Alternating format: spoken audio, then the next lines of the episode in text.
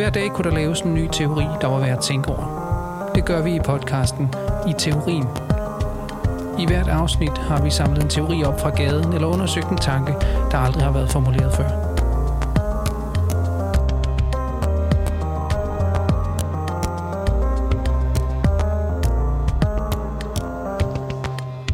Jamen, vi skal tale om den omvendte begivenhed, kalder vi det. Og ja, og det, det er en begivenhed, men det er omvendt. altså, ja. ja, lad os lige bruge lidt tid på lige at... Altså, jo, på en måde, lad os, lad, os, lad os prøve at starte med nogle eksempler, tror jeg faktisk. Ikke? For, for, altså, uden at, at gå ind i alle mulige sådan, filosofiske udredninger, eller Alan Badiou's filosofi, men Alan Badiou er en af dem, det, det er ham, der har det, det begreb om begivenhed i den form, som øh, vi på en eller anden måde spejler negativt her, kan man sige. Altså, at, men en begivenhed har et eller andet at gøre med, at der, skal, der sker noget nyt. Der, der er en måde, verden åbner sig på, eller det viser sig, at noget er muligt, som slet ikke var muligt, eller at øh, hele grundbetingelsen for vores forståelse eller et eller andet ændrer sig. Der kan ske begivenheder i kunsten og i, i videnskaben og i øh, politikken og i kærligheden, siger Bajou, ikke? Jo, ja. i den her sammenhæng kan man sige, noget af det vigtige er det der med, at det kan ikke ses fra der, hvor vi står nu. Altså fra situationen, som man kalder det. Der kan vi ikke se, hvad begivenhedens mulighedsrum åbner Nej, for, for os. begivenhed i en vis forstand, eller ikke i en vis, den er meget øh, konkret, så at sige, umulig. Ja. Øh, det, det kan ikke lade sig gøre, at det vil ske, for vi har ikke engang evnen til at forestille os, at det skulle kunne ske. Nej, nej, altså for at sige det med Badiou, ikke? Altså, hans bog hedder Væren og begivenheden. Så, og væren, det er det, der er og begivenheden det er det, der ikke er. Og begivenheden kan tilføje sig til en situation som et lynnedslag. Altså at det, der ikke er, pludselig kommer til, pludselig sker, pludselig indfinder sig i væren, og så har du, så har du noget nyt. Ja. Og et rigtig godt eksempel er øh, kunst, ikke? Altså en kunstnerisk øh, begivenhed, et gennembrud, noget nyt, der sker. Hvor, hvor i alverden kommer det fra? Altså den eneste øh, sådan, øh, fuldstændig gennemarbejdet radikale måde at gå til det på, det er at sige, det er, noget, det er ganske enkelt noget helt nyt. Ja. Så Badiou er også det nyeste tænker på den måde. Ikke? Hvordan ja. kan der ske noget nyt i verden egentlig? Og, og hvad er de ontologiske øh, koordinater for det? Eller hvordan kan vi lave en ontologi, der har plads til det? Til både væren og begivenheden? Ja, man kan måske sige, at, at efter begivenheden, så er verden simpelthen på en anden måde. Den er, altså. på, den er noget andet efter det, og du kan ikke spole tilbage, så at sige. Øh, kan du kun øh, i, fra visse positioner, som man så kan opfatte som reaktionære på forskellige mm. måder, ikke? Ja. Jo, fordi du kan sige, den, det der nye, der kommer der ind i verden, har også næsten altid karakter af at være noget positivt, så at sige. Altså sådan lidt banalt sagt, ikke? Altså, men det, er, det betyder, at verden er mere åben, eller kan noget andet, end vi troede, den kunne. Altså, jo, så, altså. så det, er, det har en positiv bevægelse på en eller anden måde, ikke? Ja, og der er Badiou jo også. Øh, altså, på en måde er det en kombination af noget meget radikalt, der kan ske noget nyt, med en sådan grundlæggende filosofisk øh, tiltro til, at sandhederne sker. Ja. Altså ja. det er sandhedsbegivenheder. Ja. Øh, det, at, at verden åbnes op på en ny måde gennem modernistisk kunst, for eksempel, ja. er et klart fremskridt og en, og en sandhedsbegivenhed i forhold til det tidligere, i forhold til det forrige paradigme. Øh, så, så det er sandhedsbegivenheder, og også altså, hans læsning af politik er jo på samme måde, at begivenhederne åbner verden for reel politik, altså reel solidaritet for eksempel. Øh, det, det sker i, i de der begivenhedsspring. Øh, ja. ja. Ja, og så kan man sige, så fik vi alligevel sat lidt, nogle ord på, altså hvad, hvad, hvad vi her kunne forstå ved en begivenhed. Men altså, det vi så vil tale om, det er det, er det som vi så kalder den, den omvendte begivenhed hvor der også indfinder sig noget, som i hvert fald i en vis forstand ikke var forudset, eller ikke var forventet, men så, og som også ændrer noget radikalt ved verden, eller ved den måde, vi er i verden på.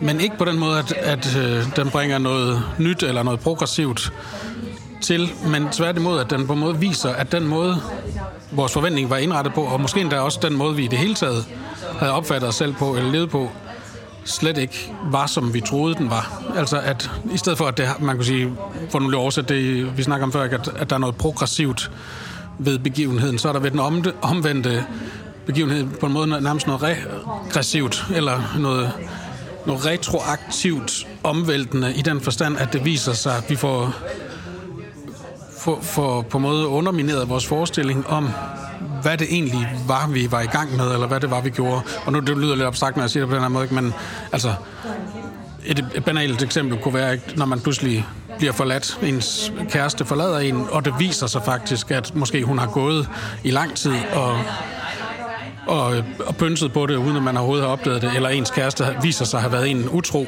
igennem år, årvis, eller sådan noget, man ikke havde vidst det. Og sådan noget. Det viser sig så, at den virkelighed, man egentlig troede, man levede i, den var slet ikke sådan, som man troede. Eller et af de eksempler, vi har snakket om, altså... Øh, hvis man, som mange for eksempel unge kandidater inden for universitetsverdenen oplever, ikke, hvis man har lagt rigtig meget an på, at man gerne vil, helt konkret for eksempel have et phd stipendie man gør så store anstrengelser, man tænker i lang tid, man skriver ansøgningen om igen og igen, man søger kontakter til de rigtige forskere i udlandet, og man får vejledning, og man begynder at indrette sig meget efter, at det er det her, der er på en eller anden måde målet for ens hele virke, måske igennem hele ens uddannelse, og måske endda helt op til, hvorfor man valgte den uddannelse osv. Og når man så får afslaget, så har det også på en måde, det kan have i hvert fald den der karakter, sådan en omvendt begivenhed, at det er ikke bare det, at jeg havde en mulighed her, som der godt kunne være spændende. Men, men det, det er ikke bare en mulighed blandt andre muligheder. Jeg kunne også have valgt et andet fag, eller et andet erhverv, eller jeg kunne have gjort noget tredje, eller fjerde, eller femte. Men det, det er den her måde, jeg har forberedt mig på, at ville opnå det her, der pludselig viser sig at have været øh, hvad, hvad skal man sige, en illusion. Mm. Altså, så det kan, det kan føle, altså, det, det tænker jeg, mange har oplevet. Jeg har, jeg har selv haft nogle markante, sådan næsten, hvad vil sige, ud af kroppen oplevelser i sin mm. tid. Ikke? Altså, når man, man har lagt så meget krudt i en bestemt mulighed, og det viser sig, så den ikke bliver indfriet, at så kan man næsten ikke øh, være i sig selv. Altså, der er selvfølgelig noget helt desperat. Øh, der kan være noget, man kunne sige noget ulykkeligt i det, men også noget næsten, altså, på ordene med altså ophøjet, eller sådan noget, noget, noget underligt, noget, der rykker en ud af ja, men hele ens faktisk, virkelighedsopfattelse næsten. Jeg, jeg tror, der er et eller andet rigtigt i det billede, og nu kredser du lidt om det, det der med ud af kroppen, eller at være ja. rykket helt ud af ens virkelighed, for det er sådan en bil, der bremser så pludseligt og så hårdt op, at man ryger ud af, ja, måske, af kroppen, eller ud af korpus på en eller anden måde. Ja. Ikke? Øh, og, og det er jo også det, der lig, ligger i vores idé om den omvendte begivenhed, eller man kunne måske næsten sige, i hvert fald nogle gange en slags negativ begivenhed. Det vil sige, at sådan bare lidt banalt sagt, at i stedet for at verden åbner sig op, så lukker den sig, men den lukker sig en dag. Ikke bare sådan, at den også, så det er det her, der er. Der er åbenbart ikke mere. Nej, det viser sig faktisk, at den er endnu mindre, end jeg troede. Endnu mindre kan lade sig gøre, end jeg havde forestillet mig. Altså bilen bremser op, da vi nåede kanten, inden jeg, inden jeg vidste, at jeg havde nået den kant, og derfor ryger jeg på en måde ud gennem forruden, eller det den der ud af kroppen-agtige oplevelse. Shit, man, der var en grænse, som var endnu mere snæver, end jeg havde troet. Mm. Hvor den badjuske begivenhed jo er det omvendte. Det, som jeg troede var grænsen, viste sig ikke at være grænsen. Altså, ja. der var faktisk der var en sprække i den, som kunne åbne verden op til noget endnu mere radikalt. Nu tager kærligheden igen som eksempel. Altså, at, at forelskelsen er det der begivenhedslynedslag, der viser sig øh, og som melder sig i verden. Altså, der, der melder sig noget nyt i min verden, som åbner min verden og på en eller anden måde skaber en ny vej for mig. Altså, Badiou taler om det der med, at så må man være tro mod det. Altså, være tro mod det, som du har mødt og mødet er det her stærke møde af noget, som man slet ikke vidste var muligt på en eller anden måde, men det er det så pludselig. Det melder sig i verden som den der øh, aktualiserede mulighed, eller faktisk næsten en umulighed, ikke? men i og med, at den melder sig der, så bliver den sådan en mulig vej. Så, så det åbner verden, men det andet her er jo en form for Altså, i det øjeblik, du opdager, at din, øh, at din kæreste kone har været utro, eller at hun længe har pønset på at gå fra dig, så udgrænser det dig fra verden. Det åbner ikke din verden, det udgrænser dig. Og ikke bare det, det viser, at du i måske 10 år fra før det, eller måske hele forholdet, mm. allerede har været udgrænset, eller allerede har været øh, dead man walking på en eller anden måde. Du er, du er gået igennem en virkelighed, som du troede, du kendte og som du troede, du var fortrolig med, og som troede på en eller anden måde også, den kunne også have en progression i sig, og, le, og ligesom, at du havde en tro på, at det her, det går frem imod noget. Vi, vi bevæger os øh, frem mod den her den her store fremtid sammen, eller sådan noget, og så pludselig viser det sig, det var det slet ikke, altså. Nej, og, og man kunne fortsætte den bare en lille smule mere, ikke? At sige, hvis man har den der forestilling om for eksempel den eneste ene, eller soulmates, eller et eller andet, at, at den forestilling kan man jo også godt have båret på fra barns ben, han nærmest, øh, og, så, og så set den anden i den der umulige begivenhed som indfrielsen af det, som man egentlig havde drømt om, Havde sagt. Og det viser sig, det, det, det er ikke kun det, at det forhold på et eller andet tidspunkt gik skævt, eller at det slet ikke var det, vi troede, det var fra starten, men at hele ens måde at koncipere livet på, på en eller anden måde bliver, bliver øh, undermineret. Eller, ja. ja. ja, netop. Og, og det er der, hvor der er noget i, i den omvendte begivenhed, som jo stadigvæk, der er en grund til, at vi så stadigvæk kalder det en slags begivenhed, for den har jo også netop den retroaktive effekt af, altså at, øh, at igen for at bruge det her billede, at bilen er sådan set næsten kørt ud over grænsen, eller ind i betonvæggen, eller hvad det nu er, den kører ind i der, som skaber en slags ud af kroppen oplevelse. Altså at den rekalibrering, der skal ske, er ikke bare en kalibrering til okay, så jeg skal tilbage til verden, som jeg kendte den. Nej, jeg skal på en måde forstå, at den verden, som jeg troede, jeg kendte, havde jeg allerede gjort for stor. Altså, den var faktisk mindre, end jeg havde forestillet mig. Mindre var muligt, end jeg havde øh, forestillet mig. Ikke? Altså, så selvfølgelig ligger der en slags skuffelse indbygget i det, men en skuffelse af ontologisk karakter, altså på, på verdens vegne. Ikke bare på mine egne vegne. Øv jeg ikke var bedre, men øv verden ikke var bedre på en måde. Ja. ja, og det er derfor, man i nogle af de der situationer, jeg ved sgu ikke, man kan både få lyst til at slå dem, som siger det, men på en samtidig også have brug for dem. Altså dem, der så siger, jamen det var ikke meningen, at I skulle være sammen. Eller oh ja. der er en gave i det her til dig, som, som du måske ikke kan se lige nu, men altså, du skal bare være glad for, at øh, du stadigvæk har dit gode helbred, og der, det, det skal nok vise sig, at det her, det faktisk øh, rummer en eller anden... Øh, noget, der er noget bedre til dig, eller et eller andet i den retning. Ja, fordi der er nemlig en måde at løse de der øh, oplevelser af den omvendte begivenhed på. Altså netop i de der måder så at finde mening i det. Det, det skal vi dykke lidt nærmere ned i, men jeg, jeg vil bare lige, der, jeg synes, der lige er en ting mere, man kan sige om det der med forholdet mellem begivenheden og den omvendte begivenhed, fordi de hænger også sammen på en eller anden måde. Altså at når man tænker med Badiou, så tænker man, jamen der er væren, og der er de situationer, vi nu kender, med de spilleregler, vi har for politik, og øh, hvad der nu ellers kan ske i vores verden, videnskab, kunst osv. Der er de spilleregler, der er, og så en gang imellem, så kommer der en begivenhed og føjer sig til, og den kan vi hægte os på, og det kan blive stort, og vi kan, vi kan ændre verden, og det, alting bliver bedre, og det går fremad, og vi er når vi er i den der begivenhedsproces, så er vi ligesom engageret i det. Det er der også hos Badu, ikke? Altså den der fornemmelse af, at ting kan virkelig ske, og vi kan blive revet med af dem, ikke? Det, det kalder på os, og vi skal med der. Og, og det er jo altså på en måde øh, som sådan lidt skeptisk, pessimistisk indstillet menneske, så, så kan det være en, en, en fin sådan ontologi at bære rundt på. Ja, ja, men verden er bare, som den er, og, og folk er kyniske og alt muligt, men der kan ske begivenheder. Det kan man gå rundt med sådan en lille, lille fifi, løftet pegefinger og sige det. Men der er bare det med de... Altså, jeg synes bare mere og mere, at en samtidsdiagnose er, at vi, vi mere og mere godt ved, at vi lever i de omvendte begivenheders tidsalder. Altså, vi kan ikke vente mere på, at der sker den der begivenhed, for det viser sig mere og mere, at det, der vil ske, er, at, at vi får at vide, jamen, vi har været, vi har været udgrænset de sidste 20 år. Vi, der, der er, vi har været dead man walking, øh, mm. altså, i et godt stykke tid nu, og, og vi kommer ikke ind i verden igen. Vi får ikke mulighed for at, at gribe an til en begivenhed, fordi det er ligesom, det, det er for sent, eller jeg, jeg ved ikke, hvad man skal sige. Der er et eller andet, som ikke kan lade sig gøre mere. Det er som om, at, at, at Bajus begivenhedstænkning øh, ja, næsten er for, for jubeloptimistisk på en mm. eller anden måde. Det er jo også en revolutionstænkning, ikke? Altså, det, det er, er jo også en, revolutionstænkning, ting, en tænkning ja. om, hvor kommer revolutioner fra, og hvordan opstår de, og hvordan kan vi hægte os på dem. Og som du siger, der er sådan noget momentum over det. Altså man kommer mm.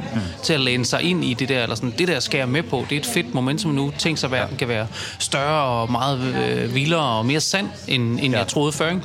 Og det er lidt svært at forestille sig den samme type af automatiske momentum over den negative begivenhed. Det kan man måske komme tilbage til, om der er, om der alligevel jo. så kan være et moment. Hvor finder man momentum i de negative eller de omvendte begivenheders ja. tidsalder? Ja, ja Fordi det, det må være et problem. Altså det, det, eller det er da sgu da det problem, vi står med, ikke? Hvor fanden finder det, når vi ikke har de der begivenheder, og Badiou's tænkning måske ikke helt er, hvad kan man sige, gearet til øh, den form for postpolitik, eller øh, den måde, vi, vi generelt bevæger os i verden på. Hvad, ja, hvad gør vi så? Ja, fordi du kan sige, altså man kan i hvert fald hurtigt og man bør måske også være nervøs for, hvilken type af momentum de negative begivenheder får. For hvis vi tager Henriks eksempel fra før, altså få et afslag på sin ansøgning for eksempel, ikke? så kan man sige, så kan den der jubelidiot, som skriver, altså okay, nu håber jeg ikke, at jeg udstiller et eller andet her, Henrik, men vi havde faktisk nogle år tilbage en kort mailkorrespondence øh, frem og tilbage, og der var, sket, øh, der var sket noget i dit liv, som ikke var sådan super fedt, og så, så skriver jeg bare sådan lidt venligt tilbage som jubelidiot, som jeg er, at sådan, ja, men i det mindste har du stadigvæk de gode helbred. Ja hvor til du så må svare, faktisk, så er nu skal du høre sådan og sådan. Og det, det, det, det udspiller sig sådan en, en 5-6 med. Mm. Og til sidst så bliver jeg simpelthen, jeg tør ikke at svare dig, for ligegyldigt hvor absurd det jeg foreslår er, men i det mindste er der ikke sket det, at dit hus, hus er styrtet sammen om ørerne på dig osv. Og hvor, hvor til du hver eneste gang måtte svare, nu er det for langt ud, fordi det er faktisk lige nøjagtigt det der, og så videre, og så videre. Og til sidst så var jeg jo den jubelidiot, der blev ved med at skabe momentum for øh, for den negative begivenhed. Jeg tør faktisk ikke foreslå mere her, som i det mindste ikke er galt, fordi det, det viser sig, at jeg skaber faktisk momentum for, hvad det er, du kan koble dig på i, i, øh, i den her næsten, ja, i begivenheden, altså sådan ja. en slags øh, omvendt jubel, ikke? Altså. Omskrev du det meget høfligt, eller parafraseret det, den udveksling. Det var virkelig nogle øh, store dramatiske ting, ja, det var det altså, faktisk. der var sket. Øhm, men lige præcis, altså at jeg, jeg så tænkte på også, at det der, det der gamle slogan fra studenteroprøret, ikke? Altså, øh, vi er realister, vi kræver det umulige. Altså, det er på en måde, det er jo også den, det er den, øh, det som øh, Brian kaldte optimisme, ikke? Eller, at, at øh, der ligger i Badiou's måde at tænke det på, ikke? Altså, der er på en måde, det hele er sort, men det rummer hele tiden muligheden for, at der kan eller verden rummer muligheden for, at der kan, der kan pludselig træde en helt ny begivenhed ind, som vil omdefinere det hele, og det er den, vi ja. leder efter, og det er den, vi er på vagt overfor, eller det er den, vi opsøger, måske endda er lige frem. Altså, og, og, og vi er realister i den forstand, at vi ved, at det ikke bare kan ske, men måske næsten det kommer til at ske. Det er bare med at finde det rigtige moment, den rigtige anledning til, at det hele vil, vil ændre sig. Ikke ligesom en af en af mine gamle venner sagde, som var, var studerende i 60'erne faktisk, han, han fortalte en gang, at han, han tog så meget studiegæld, han overhovedet kunne komme afsted med, fordi ham og hans studiekammerater, de var helt overbevist om, at revolutionen ville komme, inden de skulle betale gælden tilbage.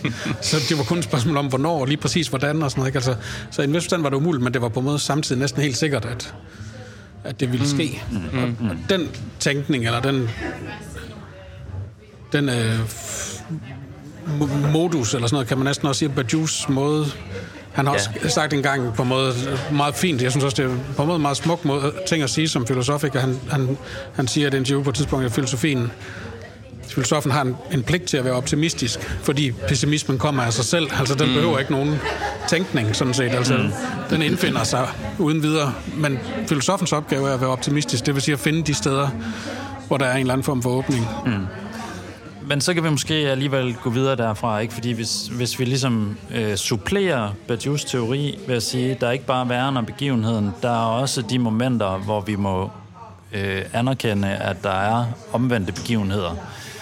Øh, og at det måske er en, er en modus, man mere ofte, end man måske lige selv lægger mærke til, befinder sig i. Hvad, hvad, hvor, hvor går vi så hen med det? Og det vi lige var på vej ind i for, for et øjeblik siden, det var sådan noget med, der, fordi der findes jo nogle sådan, kan man sige, subjektive løsninger på det. Altså der findes måder så at kunne være i det på, at Nå ja, men verden var ikke, som jeg troede. Hmm. Øh, så hvad gør jeg nu? Jamen, så må jeg acceptere det. Altså, ja, netop. Så må jeg... Ja, den nemmeste, den mest banale version af det i første omgang, det er vel i virkeligheden den, hvis man er sådan et, et øh, godmodigt religiøst orienteret væsen, ikke, så kan man måske bare sige, jamen det var ikke meningen, at jeg skulle have den stilling, eller jeg skulle være sammen med den partner, eller at der skulle ske det og det i mit liv, eller sådan noget, eller at det skulle være muligt, og sådan og sådan, eller at vi skulle... Altså, der er en eller anden større sammenhæng, hvor det hele giver mening, også det, som umiddelbart virker hårdt eller meningsløst og så videre, kan man jo, og der er også bare en eller anden sådan nærmest sekulariseret udgave af det der, som er, at ligegyldigt hvad der hænder en, så kan det på en måde altid bekræfte en eller anden dybere mistanke, man har haft om, at det nok var sådan, verden dybest set var. Og det er faktisk ligegyldigt, hvad udfaldet er, så er der altid et narrativ, man i sig selv på en måde, eller i en selv, man kan, man kan, man kan koble sig på. Altså, hvis du får ansøgningen, så kan du hive det visdomsord frem, som er sådan noget, ja, men det er rigtigt. Hvor intet våger, intet vinder, hvor var det godt, at vi gjorde det, og man må bare kæmpe for sagen og sådan noget. Øh, og når ansøgningen så øh, får et afslag, så må man i stedet for sige, jamen det er også øh, det, vi har taget munden for fuld og blæst med, og vi har både blæst og haft mel i munden, mm. og der er ingen, altså, men der findes altid på en eller anden måde, det har Zizek bragt op øh, flere gange, altså der er altid et visdomsord, som kan legitimere min, mm. øh, min, min position nu, og det er derfor, at visdom er så øh, ubrugeligt og så farligt på en eller anden måde, ikke? Altså at det kan legitimere en hvilken som helst type af også moralsk position på en jo, måde. Netop også derfor så brugbart, altså fordi ja. at det er netop i den, at det er på en måde det, vi den, det eneste, der kan redde os i sådan en situation, det er på en måde det visdomsord, der lige passer dertil. Og så, ja. altså, jamen, så må det jo så være forklaringen. Ja. Man sige. Men der er vel også det der, og så er der det der med skæbne, som du siger, at der også er sådan et, en, en slags postmoderne skæbne-tankegang, at, Ja. at der er altid en skæbne, der passer til det, der er sket for dig. Altså, og, og den må du så affinde dig med. Men som du siger, jamen, hvis der sker det ene, hvis man får ansøgningen, jamen fint, så er det den skæbne. Mm. Ikke? Det var det. Det var hele tiden meningen, og nu kan vi se, hvordan det hele er bygget op til det og sådan noget. Eller ja. du ikke fik den, jamen okay, men det, det, var, det var nok sådan, det hele tiden var, så, øh, så det er faktisk det er godt, det er sket, fordi øh, vejen dertil betyder så, at nu kan jeg vælge den rigtige vej øh, Man, herfra. man, man eller- er på en måde altid allerede både et øh, geni og en kæmpe fiasko, ikke? Og, og det kan på, i en vis forstand næsten gnidningsfrit koble dig, eller skifte imellem de to parallelle niveauer, som hele tiden bare løber fremadrettet i livet, mm. øh, og ikke egentlig modsiger hinanden, men bare løber parallelt. Altså, Sådan lidt ligesom øh, Schrödingers kat, der Jo. ikke, altså i det øjeblik, du ikke måler på den, der er den både inden for og uden for boksen, men Ja. ja. det øjeblik, du ligesom, okay, vi måler på det, så er den et sted. Jo. Øh, og det er den skæbne, det bliver. Ikke? Altså, Jo. det, men, men det kunne sådan set have været mange forskellige. Der er en, man kan forestille sig sådan en, en, en uendelighed af forskellige muligheder, men når det så viser sig, at det er sådan her, så må man så accepterer man det, indtil det kommer et næste ja. moment, hvor det så viser sig, at skæbnen var noget andet. Ikke? Jo. Jo, jo. Ja, den livsfilosofiske version af det, det er så på en måde at sige, jamen det var sådan her, det gik. Og det er så det, der hele tiden har været meningen, at det skulle være sådan her. Altså, der, det, det- der, der ligger jo masser af de her ting her med skæbne bestemthed, eller øh, en eller anden form for Guds urensagelige veje, eller sådan noget, det, som, altså Leibniz' måde at løse teodicé-problemet på, ikke? Altså ideen om, at, at øh, vi lever i den bedste af alle mulige verdener, det er jo på en måde netop den tanke at sige, at at øh, ja, Gud har valgt den verden, som har den bedst mulige øh, version, eller er den bedst mulige version, hvor, hvor den eneste betingelse, Gud var underlagt, det var, at han kan ikke skabe en perfekt verden, da han skulle skabe verden, fordi så ville det være det samme som ham selv. Så hvis han skulle skabe noget, der var forskelligt fra sig selv, og dermed i det hele taget skabe noget, så var han underlagt den ene logiske betingelse, at den ikke kunne være perfekt. Og derfor så valgte han så, alt, på grund, fordi han også var uendeligt øh, indsigtsfuld, så valgte han den verden, hvor den størst mulige jeg ved ikke, hvordan man skal sige det, lykke, eller mm. øh, den bedst mulige i hvert fald øh, verden, at de ikke perfekte muligheder, der var. Og det er det eneste, vi ved. Vi, vi har jo ikke Guds overblik. Så når der tilstøder os et eller andet forfærdeligt i verden, så kan vi bare trøste os ved at sige, jamen Gud har set, at den her verden med al dens lidelse og afsavn, den er ikke desto mindre bedre end alle mulige andre måder, verden kunne have været på, fordi øh, der ville være sket noget, der var endnu værre. Så hvis, hvis jeg, det kan være, at jeg ikke fik den, øh, det phd stipendie som jeg havde ansøgt, men det, som jeg ikke kan se, når jeg står i den der situation, det er, at hvis jeg ikke jeg havde eller hvis jeg havde fået den, så ville der være sket noget endnu værre. Så ville jeg for eksempel, hvad ved jeg, så ville jeg blevet så deprimeret over ikke at kunne skrive min afhandling, Ja. ja. at jeg var faldet i druk, eller var gået ud for en tog, eller et eller andet. Ikke? Altså, Altså det, du siger også, at den postmoderne udgave, det er, at vi alle sammen i en vis forstand bliver Leibnizianere, så snart at der sker en eller anden begivenhed for os, stor eller lille, som vi er nødt til så at koble op på, jamen det måtte nødvendigvis have været sådan her. Ikke? Altså det er, det er altid typisk mig. Ligegyldigt om det er den ene ja. eller den anden udgave, så er det helt sikkert typisk mig. Ja. Altså, det er typisk dansk, når vi vinder i håndbold, og typisk dansk, når vi taber. Ikke? ja, det kan man også sige, ja. Jamen, det tror jeg, det er det, der ligger i det. Og, og, og øh, altså, koblingen til Badu er faktisk ikke så fjern, selvom det selvfølgelig lige... Altså, der er nogle mellemregninger, men, men der er jo et spørgsmål om, på en måde, skæbne også, hos, øh, også i Badus tænkning, selvom det er en antimetafysisk tænkning, og selvom den starter fra det udgangspunkt, at det ene er ikke, altså Gud findes mm. ikke, der er ingen metafysiske øh, transcendentale eller transcendente mm. øh, størrelser i, i Badus tænkning, men der er, jo, der er jo begivenhederne, og begivenhederne er sådan nogen, der interpellerer os. Altså, de kommer til os og siger, det er mig, der er din skæbne. Altså, det er den her forelskelse, eller det er det her politiske projekt, eller det er den her øh, kunstneriske skabelse, jeg skal være tro imod. Så et spørgsmål om troskab, og et spørgsmål om at, at holde sig til det på det spor. Men så er der den, den postmoderne variant, som siger, jamen, der sker alle mulige ting, øh, og som du siger, Anders, det, det er typisk mig, uanset hvilken af de ting, der sker. Mm. og det kan, altså, så det er sådan en, en affindelsens etik på en eller anden måde, ikke? Hvor hvor Badius så trods alt er den der troskabens etik, hvor du er nødt til at stå last og bræst, som man siger. Ikke? Uanset hvad, så holder jeg mig til det her politiske projekt, fordi det er det, jeg har mødt, det er det, der har åbnet min verden, øh, og det er det, der har åbnet verden i det hele taget. Det er ikke kun et, et spørgsmål om, om lille mig, men det er det, der åbner verden, så, så det er det, der er mit projekt, så at sige. Ikke? Jo, så spørgsmålet her bliver også, hvad evighed betyder. Altså, hvad betyder evighed i den her sammenhæng? Fordi du kan sige, det der også er lidt vildt ved Bajus måde at tænke det der på, er, at det netop træder ud af det religiøse ved ikke at være uendeligt. Altså, det er ikke, at skæbnen hele tiden var sådan her, og nu kan du endelig se den. Nu er du endelig trådt ind i en mere rigtig udgave af verden, hvor du kan se det. Nej, det, var, det kan godt være, at det er skæbnesbestemt nu, eller det nu kan være en skæbne, du kan koble dig ind på, eller øh, sværge troskab til, men sådan var det faktisk ikke lige før. Altså, så det er på en måde en, evighed, der er opstået lige nu. Ja, det er sådan set også det, han siger, ikke? Altså, at begivenheden åbner en, en uendelighed, ja. øh, som ikke var der før. Ja, netop. Hvor, hvor, hvor den, anden, den anden tilgang er, er noget andet. Altså. Ja, netop. Jo. Og, og det er vel også det, som så viser sig i den negative begivenhed. Ikke? Altså hvis vi nu lige skal vende tilbage til det, at man kan sige, det der viser sig der er, Mm, jeg tror, det er nemt for de fleste af os øjeblikkeligt at slå over i, at det samtidig bliver en slags forklaringsmodel for de andre ting, som er gået galt tidligere i mit liv, eller noget i den retning. Altså, at det der typisk mig, så netop bliver et spørgsmål om, at sådan, jamen, men selvfølgelig bekræfter det her, hvad der er en dybere sandhed om mig selv.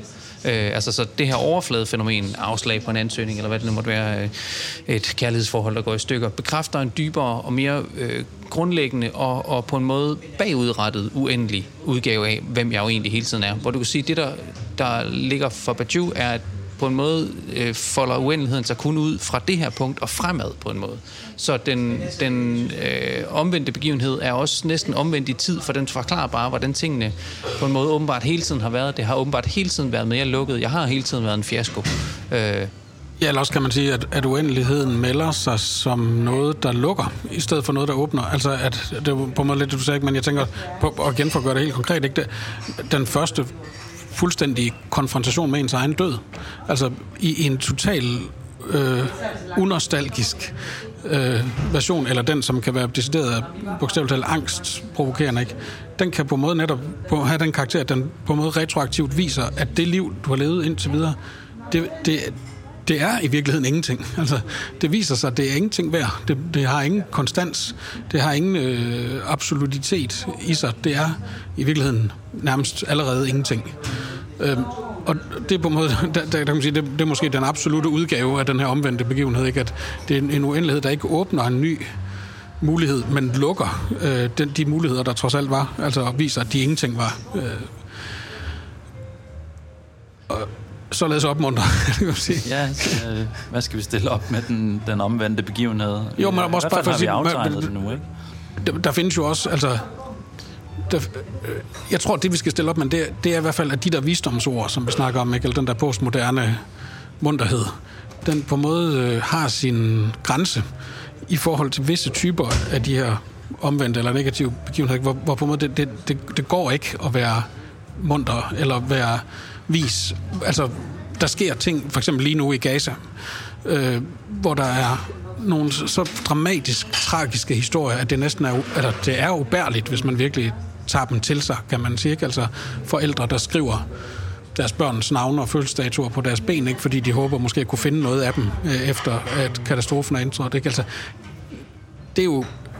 Eller de, de store fortællinger, historier om de, de store tragedier i menneskehedens historie, ikke? om Auschwitz, Holocaust og sådan ikke? Der, mm. der er ikke noget opbyggeligt mm. ved, ved de her momenter i sig selv i hvert fald. Altså, de er bare traumatiske og brutale og meningsløse og øh, til intetgørende og så videre, og så videre. Altså, øh, så det der med at komme og sige, jamen, det, du skal bare, bare roligt, der er, en, der er en sandhed i det her for dig, som du ikke har set endnu, eller sådan noget. Nixon Bixen, det er der ikke inde i, i gaskammeret, altså for nu være helt Nej, det, jeg tror igen, det er den der figur med en, en udgrænsethed. Altså, øh, og nu er der selvfølgelig lidt øh, altså der er forskel på de eksempler, vi har haft i spil her. Mildestalt, ja. Altså, mildestalt på, hvad den omvendte begivenhed er. Men hvis grundfiguren er noget stil med, at man pludselig finder ud af, at man er udgrænset, og at man har været det i et godt stykke tid. Men altså, at man virkelig også er det øh, på en dramatisk øh, måde, som for eksempel, nu har du fat i Auschwitz og jøderne videre, ikke? Og, og i virkeligheden også øh, Gaza. Og, altså, der er eksempler på, på alle sider, så at sige, ikke? på en bestemt form for udgrænsning. En mekanisme, som pludselig viser, at at nu er det det her, der er spillet. Mm. Og det spil, det indbefatter ikke jer. Eller I er ikke, I er ikke øh, med her. Ikke? Så, og der er, nej, men det er virkelig meget svært at finde øh, en opbyggelighed i det, eller en... Altså, det er næsten perverst på en eller anden måde at finde sådan en postmoderne meningsskabelse inde i den, øh, inde i den omvendte begivenhed på den måde. Ja, det, det, det, tror jeg godt, vi kan, altså, det tror jeg faktisk godt, vi kan bruge til noget, for det var netop også den fælde, Henrik, øh, apropos vores mailkorrespondence, som jeg til sidst befandt mig selv malet helt op i hjørnet. Ligegyldigt, hvordan jeg forsøger nu at lave en eller anden positiv fortælling i det her, så, så, gør, så graver jeg dit sår endnu dybere ja. her, altså, øh, og, og, og gør det kun... Så, så til sidst må jeg bare anerkende, altså, og det er det, det, som kan være svært jo, jeg må bare anerkende din tragedie. Okay, det er noget lort. Ja. Det er jeg ked af at høre, det er noget lort. Ja. Der, jeg kan ikke sige noget godt om din situation lige nu. Og jeg, skal, jeg ved, jeg ikke skal sige i det mindste, fordi så viser det sig, at det også Men på en måde, der var jo i den der udveksling, var der på en måde noget dybt komisk. Altså jo. på en måde, som, som for, jeg tror, for mig oplevedes egentlig sådan set i en vis forstand befriende næsten, mm. ikke? Altså, at, at det, nu kan det ikke blive værre, altså, og det bliver så værre nu. Altså, jo. det er komisk, at det kan fortsætte. Og på en måde, jeg tror, på en måde, det, det vi måske skal nærme os, eller det er på en måde, altså, at finde, hvor er det, vi finder et eller andet i de her omvendte begivenheder, der på en måde rummer en eller anden form for ja, altså en åbning alligevel. Altså, og det er så netop det, fordi at jeg tror, ja. det som er det helt oplagt, det er, at man slår over i en slags øhm, desillusioneret depression på en måde. Altså, ja. så det, der viser sig, er den sandhed om verden, at verden bare er dårligere. Altså, den er bare mere nederen, end jeg troede. Ikke? Ja. Øh, mindre kan lade sig gøre, realisterne har ret, øh, det hele er bare sådan et... Øh, altså, det, det bliver ikke bedre, end det er nu. Altså, i morgen vil altid være en lille smule ringere. Det her bliver den bedste dag, vi nogensinde får i den her verden, og så går det ned ad bakke herfra. Ikke? Øh, og den type af sådan, ja, regressiv, depressiv øh, tænkning ligger jo på en måde måske sådan iboende i den øh, omvendte begivenhed, medmindre man intervenerer i den selv på en måde. Og det er der, hvor vi har sådan en eller anden forestilling om, at der må også være der er næsten randbegivenheder, eller der er noget i omegnen af en negativ begivenhed, som trods alt, altså det hedder jo stadigvæk en negativ begivenhed det, er jo, altså, det har stadig begivenhedens karakter. Altså, at det på en eller anden måde har muligheden for en åbning, men som ikke er en sådan visdomsordet. Du har bare ikke øh, set bagdøren i, øh, i det, der er sket for dig. Der er i virkeligheden en ny spændende åbning i det. Eller? Nej, og det, det vil nærmest der på en måde, det kan ikke være i selve, man kan sige, det kan ikke være i selve katastrofen selv, at man finder det der positive moment, eller vil sige det på den måde, altså den der sætning, som altså også mange kritiserer, ikke? men som også er pervers, eller hvad skal man sige, i en vis forstand, når man siger, if it doesn't kill you, it makes you stronger. Altså der er noget ved den, som på en måde er dybt provokerende. Altså i den forstand, at hvis vi nu taler om de her virkelig traumatiske begivenheder, ikke? altså dem, som overlevede Auschwitz, eller dem, som kommer ud af Gaza, det er der jo alligevel mange forhåbentlig, der gør, eh, ikke ud af Gaza nødvendigvis, men er ud af, af den konflikt, der er nu, eller den, det bombardement, der nu er i gang i som overlever det bogstaveligt talt. Ikke? Mm. Altså, hvis, og, og sige til dem, for eksempel, ikke, at hvis det ikke slår dig ihjel, hvis du kommer igennem det, og der bliver oprettet en eller anden form for våbenhvile, så har det gjort dig stærkere. Det er simpelthen løgn. Mm-hmm. Altså, det passer ikke, at der i den øh, katastrofe er noget opbyggeligt eller noget positivt. Altså det er derfor, vi taler om flygtninge med posttraumatisk stresssyndrom og sådan noget. Det er fordi, det er folk, der kommer ud af katastrofer med skinnet i behold, bogstaveligt talt, ikke? og kun skinnet. Men det, der er inde under skinnet, det er rystet fuldstændig og ryster stadigvæk. Ja, og derfor, altså, vi skal virkelig passe på med at ville finde en åbenhed i den type af situationer, ikke? Altså, det, det må virkelig være en, en præmis for at gå ind i det her. Øh, altså, at gå ind i at forsøge at tænke noget med den omvendte begivenheds mulighedsrum, eller hvad der ligger der. Øh, så det er bare lige en, en note, men en vigtig note. Mm. Men jeg, jeg kom til at sidde og tænke på det udtryk, øh, der hedder, det, men det kan jo ikke gå værre end helt galt. Mm-hmm. Øh, og det er på en måde sådan, det er lidt den modsatte af den der postmoderne meningsskabelse, som man altid kan få til at fungere i en eller anden situation. Ah, nu skal du høre, det er ikke så, det er ikke så galt, at det ikke er også er godt for noget. Ikke? Så er der den anden, det andet udtryk hedder, men det kan jo ikke gå værre end helt galt. Hvilket er sådan en form for... Det har jo det der sådan lidt komisk over sig, ikke? Altså, hver gang du skriver noget til Henrik uh, Anders mm-hmm. i den der mailkorrespondance, så viser det, at det er faktisk værre, og det er værre, mm. værre, værre. Jamen, det kan jo ikke gå værre end helt galt. Det, det er sådan på en eller anden måde sådan en, en kynisk, øh, komisk indstilling til, mm. ja ja, men tingene er noget lort, det er fucked up, det er sådan verden er, på en eller anden måde, ikke? Men hvad nu, hvis der er en lille tidslighed der, hvor man, hvor man på et eller andet tidspunkt kan indse, at det er helt galt, det her. Men før det går galt, så at sige. Altså, men før øh, den fuldstændige katastrofe indtræder, eller man står midt i den, eller før man er sunket så dybt ind i den omvendte begivenhed, at den er øh, altså uværlig på en eller anden måde. Ikke? Hvad, hvad hvis der er sådan nogle momenter af, at man finder ud af, hov, jamen, jeg, jeg er sgu, øh, vi er sgu udgrænset her, eller der er et eller andet, der er i gang med at ske, men lige præcis inden det går helt galt. Ja. Hvad, hvis der er de der typer af momenter, hvor man finder ud af, at det er sgu nu, vi skal hugge til, hvis vi vil ændre på noget her, eller det er nu, det har vist sig, at, at, at verden, at det står slemt til, så at sige. Øh, men ingen har helt indset det endnu, bortset lige præcis fra måske os, eller bortset fra, fra, ja, bortset fra, at der kan være et lille moment der, for at gøre noget andet, ikke? Ja, eller man kunne, jeg, jeg kommer til at tænke på, jeg, nu kan jeg ikke huske det helt, men øh, hende, den amerikanske filosof Susan Neiman, der har skrevet om Evil in Modern Times, tror jeg nok, den hedder bogen, altså hvor hun blandt andet gennemgår sådan uh, teodicé-forestillinger hos Leibniz og andre, som vi var inde på før.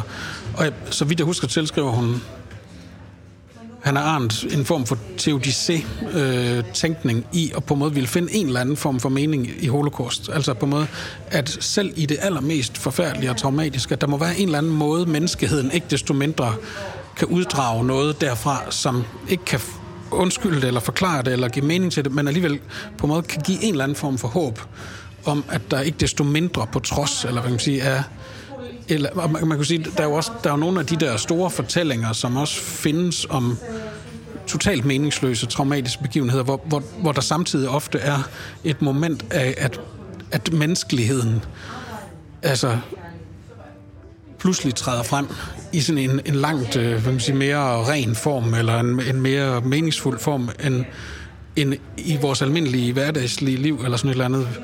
Øh, jeg kan huske for eksempel den den bog, Jevgenia Ginsburgs bog om, om Stalins udrensninger og øh, Kolyma og øh, Gulag og alt det der, ikke? Altså, hvor hun, en forfatter der, øh, i Stalintiden, der bliver fuldstændig meningsløst øh, interneret og sendt i fangelejre, ikke? Altså, hvor der er nogle momenter der i, hvordan, for eksempel, hvordan hun øh, læser eller for, fortæller sine historier til nogle af de andre, der også bliver sendt afsted i de der togvogne osv. Altså at de der momenter af humanistisk øh, storhed over at få genfortalt den klassiske litteratur eller et eller andet, ikke? Altså der pludselig kan være det der håb selv i den totale tragedie, ikke? Altså at øh, de, de momenter, hvor nogen, en, en fange i, i Auschwitz, der faktisk offrer sig selv for en anden, eller sådan, ikke? at tragedien er stadigvæk absolut ud fra den ved, vedkommende synspunkt, men ikke desto mindre tilføjes der noget til det liv, som så at sige kan leve videre, altså igennem fortællingerne, om ikke andet bagefter, som, som igen, det, der er ikke en mening i noget, der gør en stærkere i selve katastrofen, men selv i katastrofen kan der være en eller anden form for afledt eller sekundær, eller sådan en eller anden betydning eller mulighed, som kan som på en måde, man kunne næsten sige, som, som vi, der ikke oplever katastrofen, og man nærmest skal sige, har en pligt til at øh, Men kunne man, solidarisere os med, så at sige. Jo, kan, altså, kan, man måske sige, at der i det, du siger, også ligger det, at, øhm, at både i begivenheden og i den omvendte begivenhed, der er noget, der falder, og der er noget, der falder dog med to ret forskellige fortegn, men, men det fald er faktisk, det kan du på en eller anden måde altid... Øhm, det, det kan på en måde altid lede dig hen til noget andet, altså hen til en anden udgave af verden, så at sige. Hvor man kan sige, at i begivenheden, der falder der, øh, der falder der en vis sådan, realismens grænse, altså vi kan kun se realiteterne, sådan som de ser ud lige nu, og den, den, øh, den krakelerer eller falder på en måde i begivenheden i, i sådan en positiv bajusk forstand, hvorimod i, i, i den her mere desillusionerede, omvendte begivenhed, øh, der, der falder der en eller anden type af, det er forkert bare at sige illusion, men der falder i hvert fald en forestilling om, Øh, et håb om, hvordan verden måske øh, egentlig... Jeg havde håbet, at noget mere var muligt, end det var. Men selve det fald har på en måde... Altså, der er jo et momentum i et fald, bogstaveligt talt, ikke? Øhm, så mere end at stå og vente på, at det styrter sammen, så er der faktisk måske et momentum at fange i selve det der fald, altså øh, om, om det er i begivenheden eller i den omvendte begivenhed. Og det, det er jo sådan en slags... At der, der er vi derude i, i periferien af, altså som du siger, det er ikke selve katastrofen, som jeg kan bruge til noget men, men øh, måske et momentum i dens fald, altså i dens, øh, i dens måde noget brister på. Der er jo et brist også, ikke?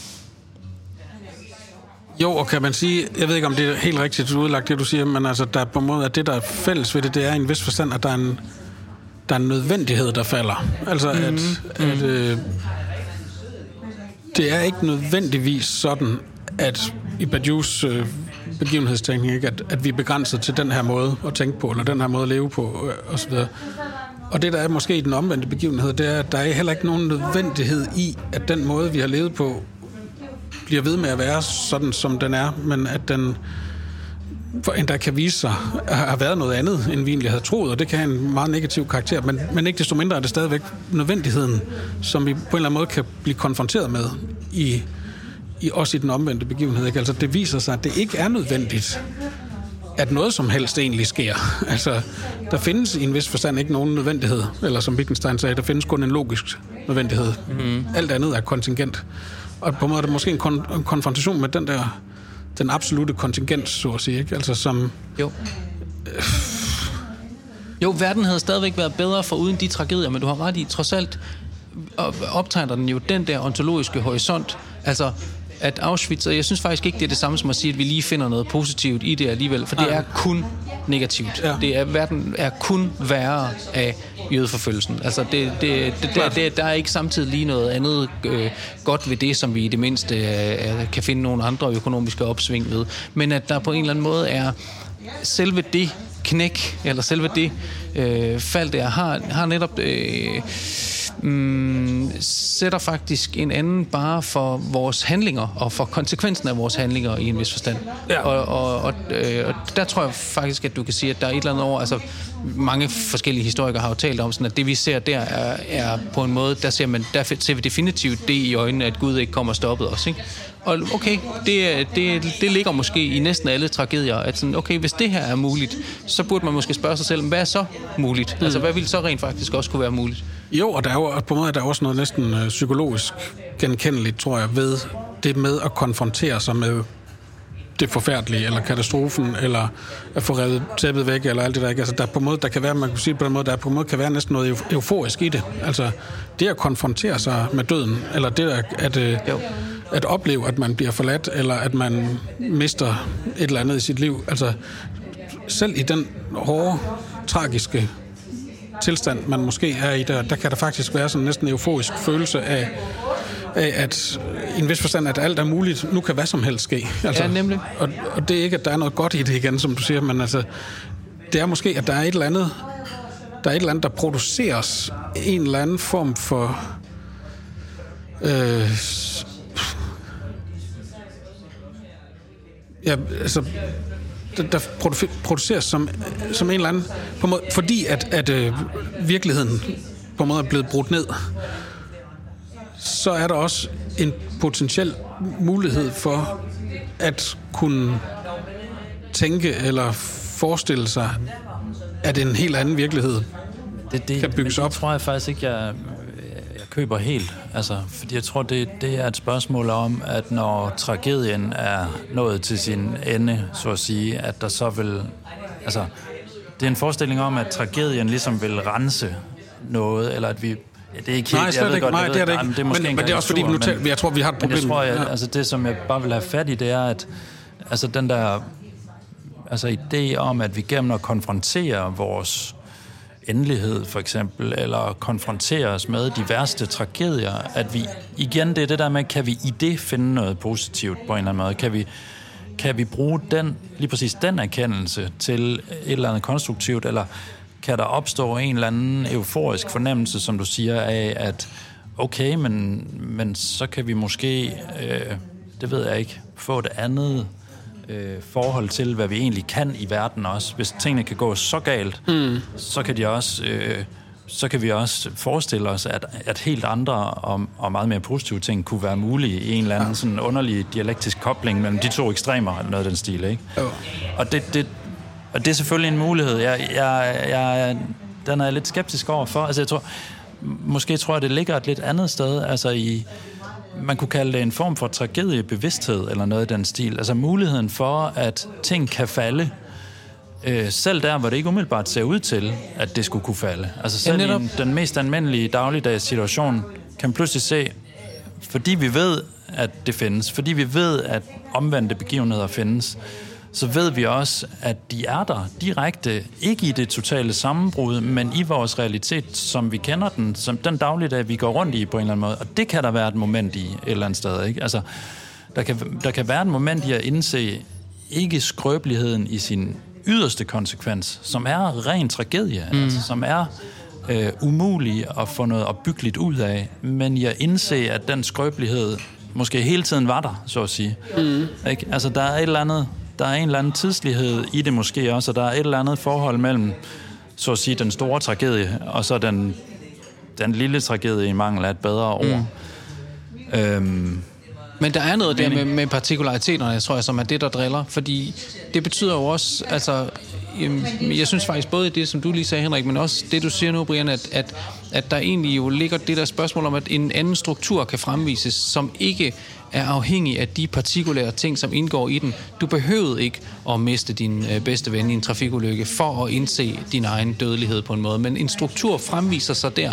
Og det betyder ikke, at vi i den lille begivenhed, øh, tragisk som den åbenlyst er, øh, skal finde i, de, i, i konkreterne. Nej. Det kan vi simpelthen ikke. Vi kan ikke fremlæse noget som helst godt af den begivenhed. Din verden havde været bedre uden det.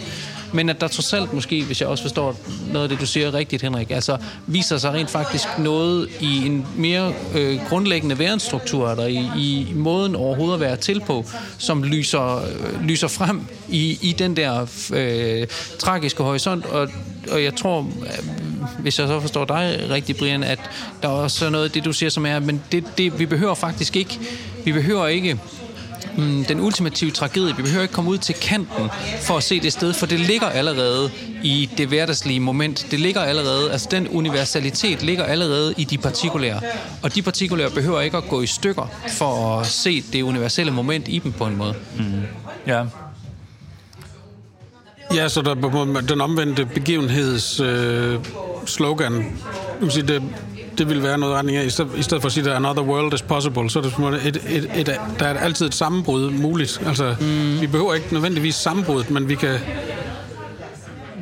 vi kan på en måde tænke igennem de sammenbrud, vi kender til, altså fra første og anden hånd og tredje hånd osv., at i kraft af dem har vi også evnen til at tænke Ja. ja. sammenbruddet Og som der er ikke noget som realitet. helst godt i dem. Der er intet godt Nej, i nej, dem, i netop. de der sammenbrud.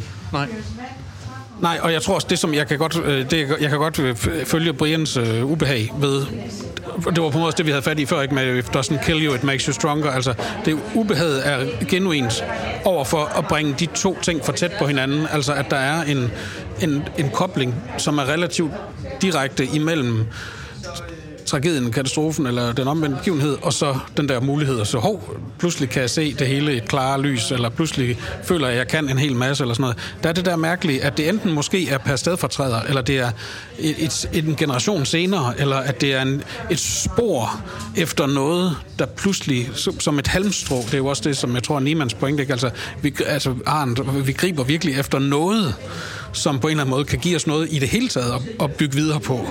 I, i, det, det er ikke fordi, at oh, takket være det her, kan vi nu se, at, at et eller andet positivt er muligt. Nej, det er i den totale destruktion eller opgivelse leder vi efter et eller andet punkt, som er der et eller andet sted, øh, som kan give os en anledning. Og, og måske er det per stedfortræder, måske er det over tid, at, at øh, det kan vise sig. Eller også er det, at der er nogle momenter i en, i en, i en, i en man kan også måske sige den her omvendte begivenhed, som på en måde, som er nemmere at overse, men som man måske også i kraft, måske netop af historiefortællingen, altså kan skærpe sit blik for, altså på en måde øve sig på, det der med sammenbrud, der er altid en mulighed, at man på en måde også kan skærpe sit blik for, måske er der allerede noget i de sammenbrud, som vi vi står med, eller vi, Ja, ja, vi på en måde næsten det der. allerede forventer, at der på en måde allerede er en mulighed i dem, som vi måske kan blive bedre til at få blik for, mm. før de så indtræffer måske endda, altså hvis man virkelig skal helt op på den... Ja, og det, ja, altså, der kunne godt være det der eksempel med, med den her film Don't Look Up, Ja, netop der. som handler om den her komet, der smadrer mod jorden, og som er blevet læst som sådan et billede på klimaudlæggelser, der er i gang med at ramme os, og en, en rimelig ineffektiv øh, regering, som ikke rigtig formår at, og hverken forstå problemets omfang eller gøre noget ved det, eller i hvert fald være rimelig ligeglad med det, fordi det handler om at blive valgt øh, igen, og så videre, ikke?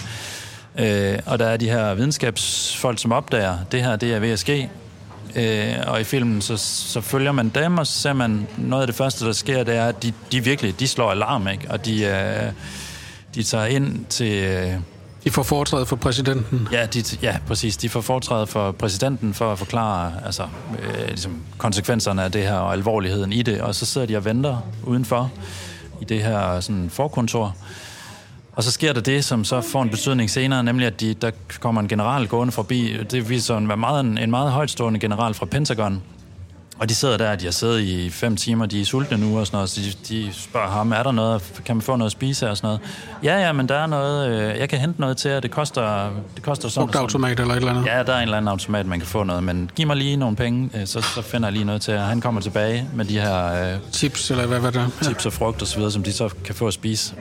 Øh, og så går filmen videre, og de kommer ind til præsidenten, og de finder ud af gradvist, at, at det kan ikke lade sig gøre at få den her administration til at tage det her problem alvorligt. Ikke? Altså, så, så det er en omvendt øh, begivenhed, der sker. Altså, de finder simpelthen ud af, at, at de er udgrænset her. De, der, altså, verden sejler. Det, det, det man kunne næsten sige, undskyld, man sådan i forlængelse af Bajur, man kunne næsten sige, at at de oplever, at deres tiltro til videnskaben og sandheden viser sig på en måde at have været alt for naiv. Altså...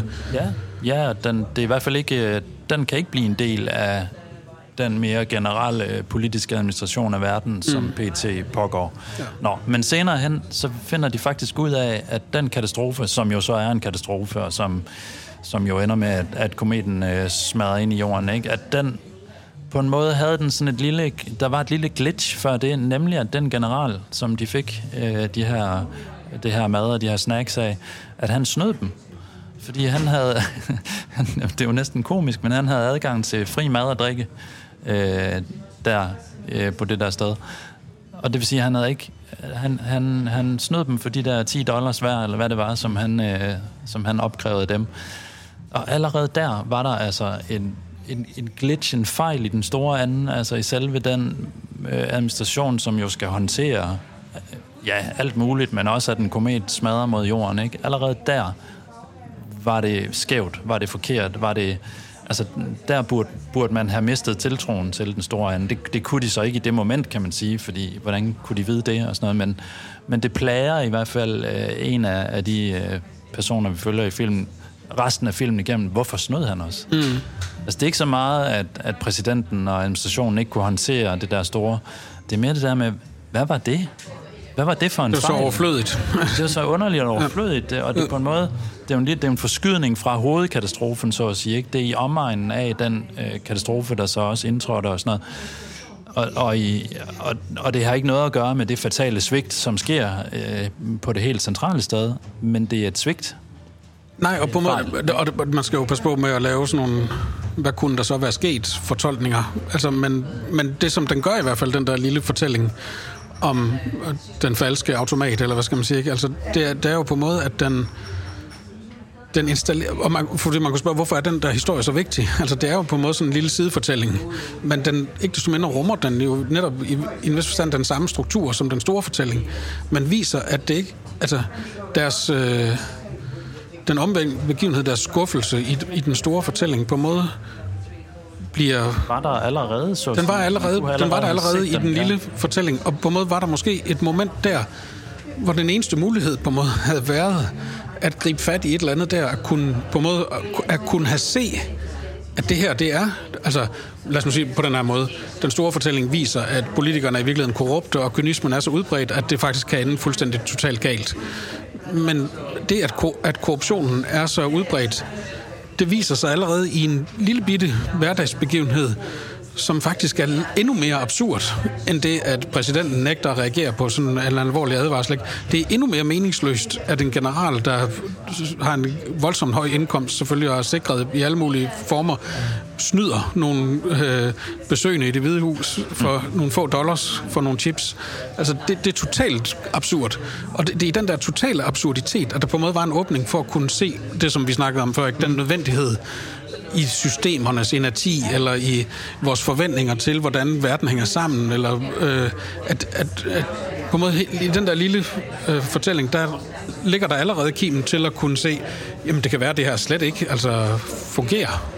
Nu har jeg ikke øh, set filmen, men det er et enormt godt billede, det der. Og netop også fordi, jeg synes, det viser, at vi ikke har brug for tragedien. Men jeg tror, vi faktisk ellers spontant tit har fornemmelsen af, at der bliver en slags kataklysmisk forestilling om sådan, jamen okay, vi, vi er nødt til at køre så langt hen, at vi tvinger en indsigt igennem. Ja. Altså, og det tror jeg skulle gælder både i hverdagslig forstand og i klimaforstand lige nu. Ikke?